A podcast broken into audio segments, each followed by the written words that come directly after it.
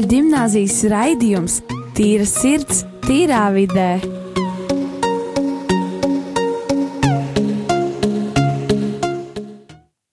Labdien, raidījumā Tīra sirds, tīrā vidē. Šodien vaidījumu vadu es, Rolands Pļaviņš un Sandra. Sveiki visiem!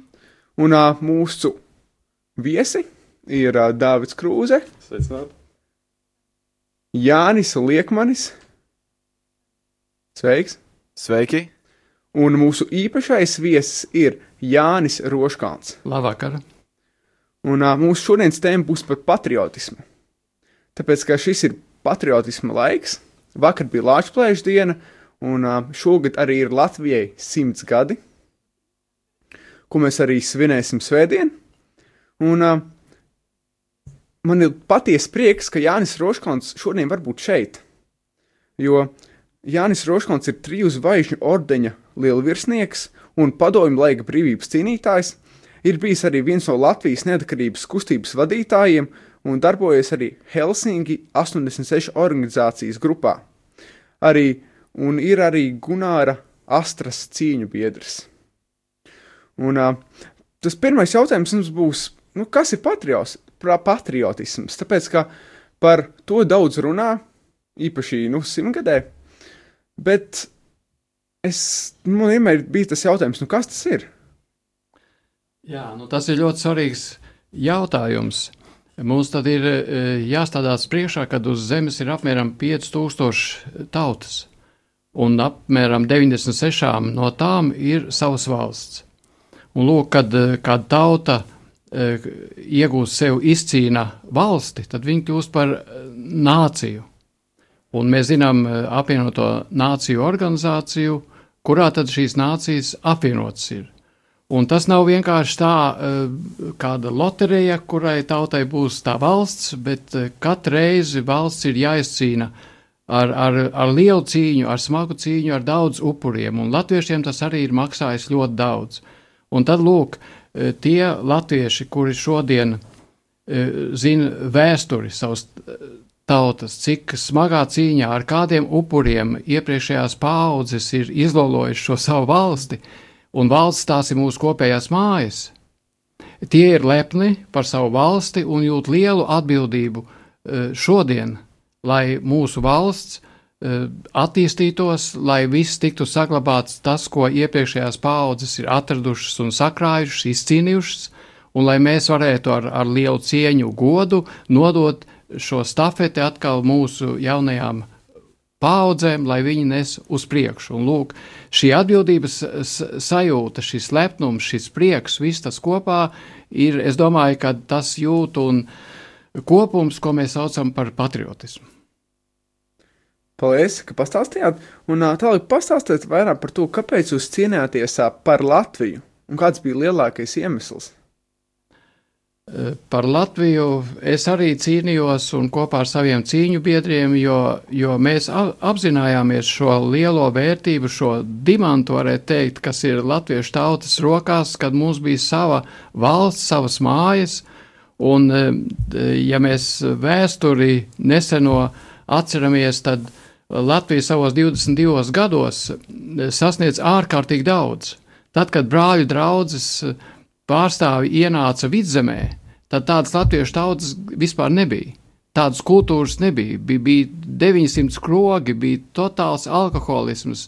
Viena pagasta latvieši pat nezināja, vai vēl kādi citi pagasti vispār ir. Viņi nekur nebija bijuši. Viņi bija dzimti cilvēki. Nebija ne sava eh, rakstība, nu nekā nebija. Un lūk, viņi izcīnīja ar milzīgu darbu, cīņu, to, ka radās visa mūsu kultūra, arī dziesmu svētki, pirmos dziesmu svētkus viņi ar vadīja. Lūk, un tad, un tad mēs izcīnījām savu valsti, un tad latvieši visā Eiropā kļuva par, par nāciju ziedu, jo pie mums ne tikai bija ļoti bagāta kultūra, pie mums ražoja minoksu, pasaulē mazāko fotoaparātu, velosipēdus, motociklus, smagās mašīnas, vieglās mašīnas, lidmašīnas. Mums bija divas lidmašīnu rūpnīcas. Sviestu eksportēja uz visu pasauli. Par Latviju rakstīja un brīnījās eh, ne tikai pa Eiropu. Un lūk, tad pēkšņi atnāca 40. gads, kad iebrauc Krievu tanki, izsūtīja uh, desmitiem tūkstošu latviešu no savām mājām un dzīvokļiem uz Sibīriju, viņu vietu ie, ieņēma iebraukušie krievi un sākās okupācija. Un mēs visu to zinājām un sapratām, ka tagad ir laiks un atbildība mums teikt savu vārdu un darīt visu iespējamo, lai mēs atkal atjaunotu Latvijas brīvu valsti. Un tam dēļ mēs arī cīnījāmies. Un caur kādiem veidiem jūs un jūsu domu biedri stāstījāt tautai par patriotismu padomu laikos? Jūs zināt, ka tas nebija tik viegli. Tas nebija viegli, jā, un tas faktiski tas jau nebija pat iespējams tieši tā kaut kur iet un stāstīt, bet mums bija arī ļoti spēcīgi Latvijas simboli. Kaut vai sarkanot sarkanais karoks, šodien viņš plīvo visās pusēs un mums pierasts ir. Tā laikā, ja tu kaut kur izkāri sarkanot sarkano karogu, tu pa to vien dabūji ilgus gadus Sibīrijā. Gunāram Astram vienā no kratīšanām pat atņēma olu čaumalu, kas bija viņa grāmatu plauktā, kur bija ar krāsainu zīmuli iezīmētas divas ķiršsarkanas svītras un pa vidu balta. Un tas ir ieprotokolēts. Ja, lūk, Bet no otras puses, tas arī rādīja to, cik tam simbolam ir liels spēks. Un tādēļ mēs, kā vienu no akcijām, katru reizi uz 18. novembri gatavojām pirms tam sarkanos karogus, lielus tādus, nu, kaut kur 3 metru reiz metrs aptuveni. E, tas, tas arī nebija viegli, jo tad, kad pirmo reizi mēs mēģinājām veikalā nopirktu baltu audumu nokrāsot ķiršsarkanu, izrādījās, ka viņš krāsu vispār e, neņem klāt un noskaidrojām, ka Jūglas manufaktūrā, kur šos audumus ražoja, ka tur audumi tiek pirms nodošanas pārdošanā apstrādāt ar speciālu ķīmisku vielu, lai viņi nepieņem krāsu, lai, ne, lai nevar nokrāsot. Un tā mēs atradām atkal iespēju dabūt to audumu nelegāli pakluso pirms šīs apstrādes. Un tad, lūk, mums arī fotografijas ir, kur, kur lielos katlos svārjām šo krāsu un krāsojām un šuvām pēc tam, un tad braucām ar Vēveru Jāni parasti kopā ar, ar motocikliem. Mums, man bija motocikls jāva kaut kur uz kādiem ceļu krustojumiem, kurzemē, citur, un tad parastajos lielos elektrības stabos. Tad tur kāpām augšā naktī un uzvilkām, un, un tur viņš plīmoja. Tad. Bija kāds reizes, ka jūs piec, pieķēra?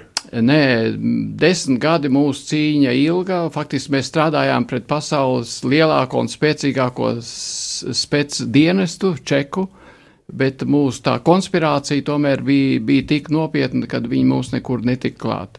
Līdz 83. gadam, kad Rīgā bija kādos 50 dzīvokļos skratīšana, un tad, tad mūs arī arestēja. Jā, jo esmu dzirdējis, ka tu man tieši stāstīji, ka vairākas reizes tu esi bijis čekā. Un arī par, ku, par kādām lietām tev arī kratīja un prasīja.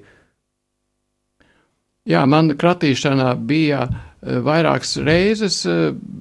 Pirmo reizi bija par to, kad mēs grāmatas izplatījām arī garīgas, kristīgas. Bija vesels tīkls Latvijā un Rīgā arī, un Latvijā bija arī uh, trīs pagrīdes tipogrāfijas, kur iespieda kristīgas grāmatas, un tas viss arī bija milzīgi liels darbs, plašs, un viņiem kaut kādas aizdomas bija, un tā sakarā bija arī kratīšana man, atņemt daudz garīgās grāmatas, veselu maisu, bet, bet eh, tur nekas nebija sakarā ar pretošanās kustību, un tam, tam ne viņi netika šai ziņā klāt. Līdz tam lūk 83. gadam, kad jau bija tāda totāla uh, kratīšana pa Latviju, un, un tad bija Maskavā tāds ģenerālsekretārs Andropovs, kurš bija domājis, nolēmis iznīcināt visu pretošanās kustību. Un es zinu, ka jums piesprieda smagu sodu astoņu gadu sevišķi stingrā režīmā, speciālā čekas nometnē, un bija paredzēts, ka no turienes jūs atgriezīsieties vai nu fiziski un garīgi pilnīgi salauzts, vai arī neatgriezīsieties pilnīgi nekad. Un uh, jautājums ir tāds, kā jūs spējāt izturēt lielā, tās lielās ciešanas, pārdzīvojums, esot vairākas reizes cietumā un arī citur? Jā, nu, paldies Dievam, kad es atgriezos gandrīz veselības ziņā neskarts.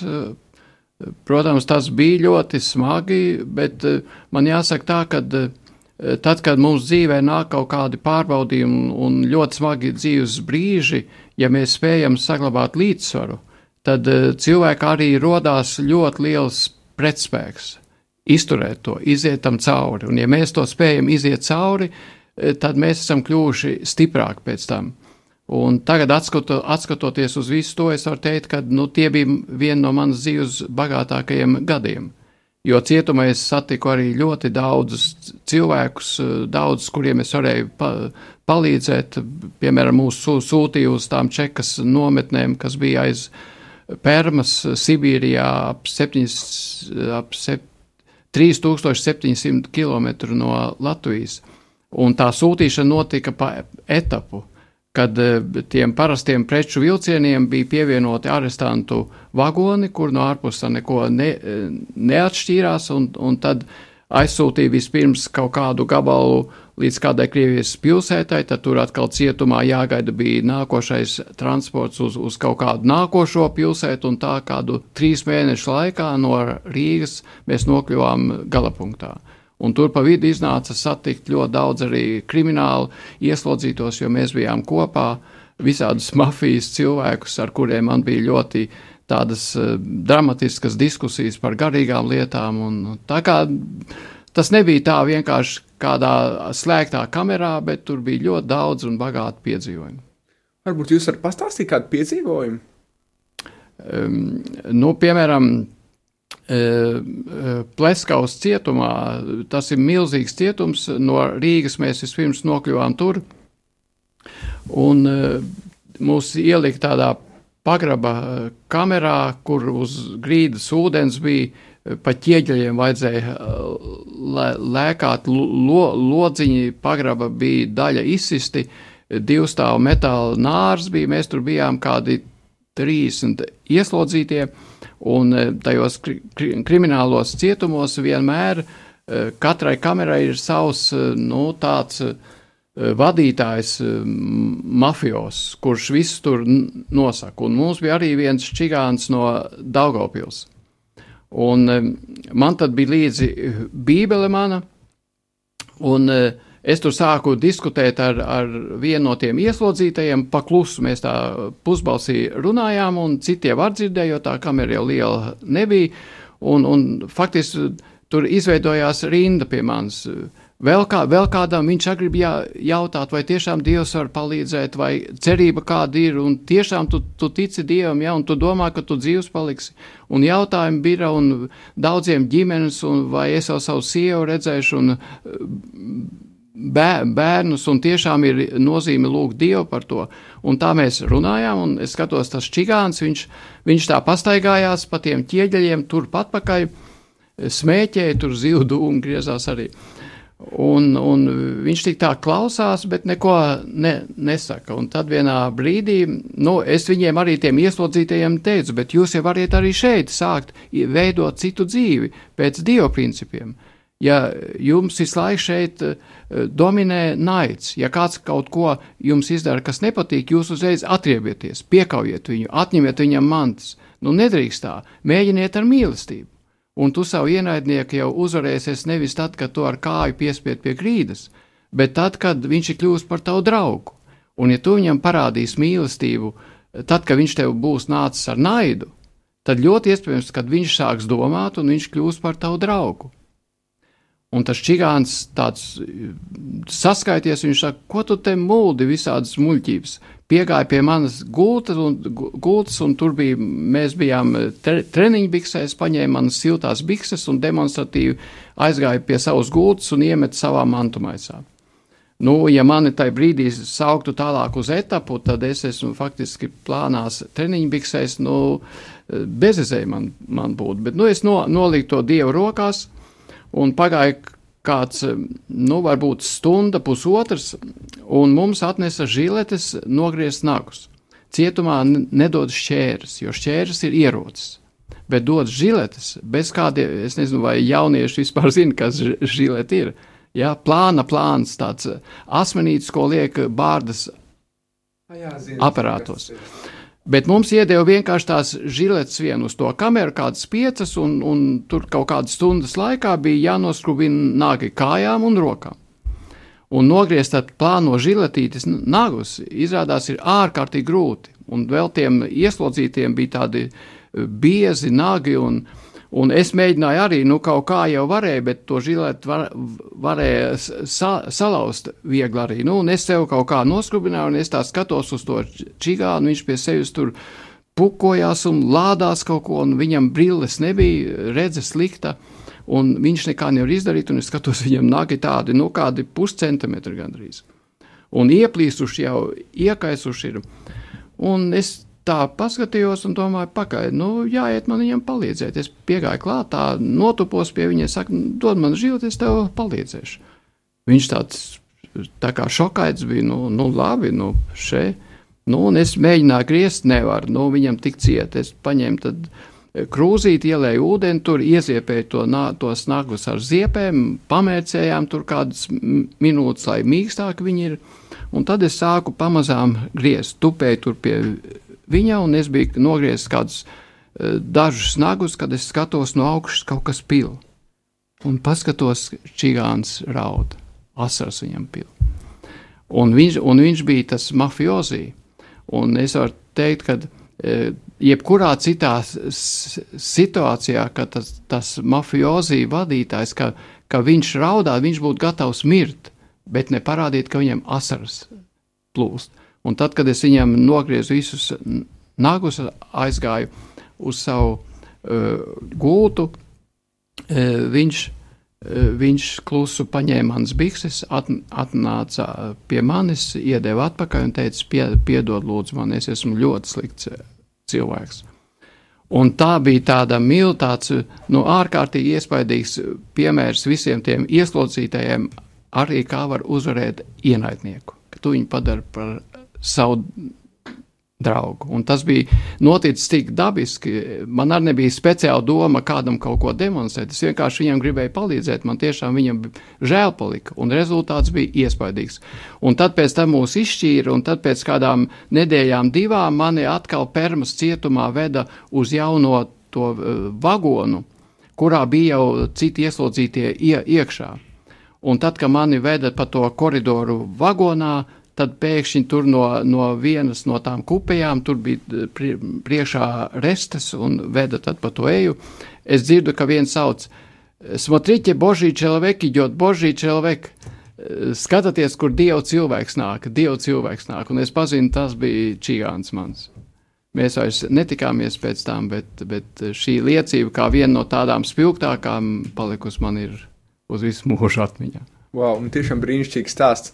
Un, uh, Tad šis laiks, šo, šo laiku, tu izmantoji nu, šo laiku, kur jūs bijāt tā ieslodzījumā, izmantoji arī stāstu teviņķēlī, man ne citiem cilvēkiem. Jā, saruna bija ļoti daudz, un nometnē arī pēc tam, un, un, jo tur, tur valdīja tiešām bez, bezizēja cilvēku prā, prā, prātos un dzīvēs. Daudziem bija pa, pa 10, pa 20 gadi un ar ģimenēm viņiem nekādu kontaktu nebija. Tad cilvēks ir cilvēki, ja, ja viņiem nav tāda īsta dzīves pamata, garīga, tad, tad viņi, protams, ir izmisumā. Un jāsaka tā, ka tā kritiskā robeža bija pieci gadi. E, tie, kas piedzīvoja e, šo robežu, e, parasti viņi, un pie tam tieši tanī dienā salūza. Mums bija arī viens no eh, armijas pretizlūkošanas notiesāts uz eh, astoņiem gadiem. Un es tieši biju eh, klāt tai dienā, mēs strādājām cehā kopā, kad viņam palika šie pieci gadi. Un viņš bija tāds fiziski rūtīts, trenēts, psiholoģiski ļoti stiprs, nu, tāds īsts karavīrs, varētu teikt. Un tad piecu gadu dienā es skatos, kad viņš sēž, sēž rokas uz ceļiem, galva no, noliekt, un ar to dienu viņš tā nopūtās un pilnīgi tā kā cits cilvēks kļuva. Tā kā vie, viegli tur nebija. Jā, es ticu, ka viegli nebija. Jo, zin, kā ieslodzījums nav tā vieglākā vieta, kur būt un uh, kur izciest šo sodu. Un uh, man ir jautājums, kāpēc jūs 1983. gadā Čeka nosauc par sevišķi bīstamu valsts noziedznieku. Tas man likās interesanti, jo es lasīju vienu rakstu internetā, un es izlasīju šo, un tam man radās jautājums, kāpēc jūs tā nosaucat? Jā, tas bija oficiālais apzīmējums, kas ir arī tiesas spriedumā man. Un mums visiem, kas tad notiesāja, tajā laikā gan Gunaram Astram, viņš 19,5 gadus nosēdēja, Vēverim Jā, Jānim un citiem bija, bija tieši spriedumā šis punkts. Un tas ir tāds um, nu, interesants moments, pa ko ir vērts arī padomāt vispār katram klausītājam, varbūt arī dziļāk, cik, cik lieli spēki tur ir. Jo padomju režīms saprata, ka tas, ko mēs darām, Mēs neko nebijām spridzinājuši, mums nebija ieroču. Mēs vienkārši ar karogiem cīnījāmies un izplatot skrejlapas, atgādinot par brīvo Latviju un aicinot latviešus e, nepadoties, bet domāt un meklēt ceļus, kā pastāvēt un, un atkal atjaunot savu valsti. Vienkārši lapiņas, e, grāmatas izplatījām, un lūk, tas tika e, nosaukts, novērtēts kā sevišķi bīstams Padomju Savienībai. Tā kā e, mēģināsim arī šodien e, nepalaist šo domu garām, un ļoti svarīgi, ka mēs domājam, ka mēs visu noskaidrojam, e, pētam, iedziļinamies, un ka mēs savu pārliecību balstam nevis uz vienkārši uz ticību, bet uz zināšanām. Ka tas, par ko mēs stāvam, mēs varam argumentēt, un mēs paši sev zinām, kāpēc tas tā ir. Un tad ir viegli arī iet, un tad mēs arī šajā dzīvē eh, spēlēsim nu, kādu noteiktu lomu, ar mums rēķināsies, un mēs varēsim savai tautai un savai tēvzemē kaut ko būtisku dot. Arī šodien notiek šī, šī cīņa pret liberālismu, joprojām pie mums valda eh, komunisti. Eh, visas, kas nāk tagad, šīs jaunās pseido vērtības, kā dženģeru un homoseksuālisms un viss tas, Tas ir būtībā, es izjūtu šo laiku ļoti tuvu līdzīgi tam, kā padomju la, laikā. Un ne par velti šodien liberāļi ir komunistu ļoti tuvu draugi. Viņi partijās, arī mūsu politiskās partijās ir kopā. Tā kā tā nekas būtiski mainījies nav, tas viss iet uz priekšu un ies uz priekšu, un mums katram tādēļ ir jābūt ļoti svarīgi, kad mēs esam savas tautas patrioti, kad mēs cenšamies ietekmēt e, šos apstākļus un veidot dzīvi un šīs pamatvērtības e, izplatīt un skaidrot cilvēkiem šodien, kas ir konservatīvās pamatvērtības. Es domāju, ja tādu aptauju izvestu sabiedrībā, e, kas ir konservatīvās pamatvērtības, to ļoti neliels procents zinātu paskaidrot. Bet tas ir pamats mums, un konservatīvās pamat, pamatvērtības nozīmē konservatīvs, tas ir tāds, kas sargā. Tas, tas nozīmē uzticība tradīcijām, stabilitātei, kārtībai un visam tam, ko iepriekšējās paudzes ir sakrājušas, lai tās sargātu, vairotu un dotu uz priekšu. Jā, liels paldies, ka pastāstījāt. Un, uh, un zinu, ka jums arī ir kāds stāsts tieši par kapsulu, jo tieši par to taisīju filmu. Un varbūt jūs īsi varētu par to pastāstīt. Jā, tad, kad es ierados šajā speciālā no, nometnē Urālos, e, tad tur priekšā bija jau daudz ieslodzītie ar saviem likteņiem, un tie, tie likteņi tiešām arī man šokējoši bija. Tur, piemēram, bija PSRS ķīm, ķīmijas ministra pirmais vietnieks, 25 gadus komunists no aristokrātijas, kas Krievu ģimenes. Un tā tālāk. Viens puisis, kurš bija iemuts, lai mukt no padomju savienības e, e, DDR, e, Vācijas Demokrātiskā republikā, amerikāņu vēstniecībā. Un ļoti daudz, un, un par daudziem tuvinieki pat nezināja, par ko notiesāti viņi. Un dzirdot šos likteņus, man ra radās doma, ka vajadzētu uh, to kaut kā izsūtīt uz ārpusi. Un tad es no Bībeles izplēsu pirmo lapas pusi, jo tur ir ļoti plāns papīrs. Tur sarakstīja ļoti smalku uh, lodīšu pildspēlu šos stāstus. Un ietin celofānā aizkausēja no abiem galiem tādas no nu, apmēram pusotra centimetra kapsuliņas, lai var turēt degunā. Jo mums bija kratīšanas ļoti bieži, kad jēžģērvās bija pilnīgi kailam un pārbaudīja visu. Jo mēs taču bijām ārkārtīgi bīstami, tā informācija bija tā bīstamā. Un katram ieslodzītajam pēc PSRS likumiem bija paredzēta obligāta viena tikšanās ar tuviniekiem. Pirmā. Pārējās varēja nedot, bet pirmā bija jādod noteikti. Un es zināju, ka man ar guntu tikšanās būs. Un tad es turēju degunā šīs kapsuliņas, un pēc apmēram pusotra mēneša šī tikšanās bija. Mums bija saruna caur stiklu. Un tad, kad eh, šī saruna beidzās, nu, protams, tā bija arī ļoti emocionāla, un, un guntai asaras acīs bija un tā. Un tad, kad mēs gājām laukā, es izmantoju to brīdi un starp uzraugiem paspēru divus soļus uz viņas pusi, viņu apskāva un noskūpstīja, un skūpstu laikā pārbīdīja ar mēli šīs kapsuliņas divas viņas mutē. Un viņa jau saprata uzreiz, kas pa lietu ir, un viņa zināja šos ceļus, kā nosūtīt uz rietumiem, un tā šī visa informācija nonāca uh, rietumu presē, un šiem cilvēkiem arī tā bija milzīga palīdzība. Paldies jums, ka pastāstījāt vispār par uh, pa patriotismu un arī no savas pieredzes, kā jūs esat cīnījies par Latviju. Tāpēc arī, darbie radio klausītāji, es jūs gribu iedrošināt, iet un pastāvēt par mūsu valsti, iesaistīties kādos pasākumos, iet un uh, domāt par Latviju, par uh, Latvijas vērtībām. Jo, man liekas, daudz iet mūsdienās, kā Latvijas vērtības nospiež. Tāpēc uh, iesim, cīnīsimies arī tagad, nevis tikai tajos laikos. Un uh, tiešām pastāvēsim par mūsu valsti, un uh, paldies, ka klausījāties!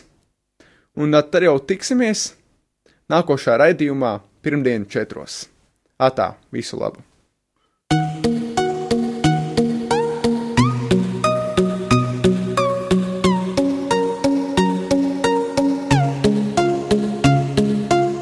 Rīgas katoļu gimnāzijas raidījums Tīra sirds, tīrā vidē.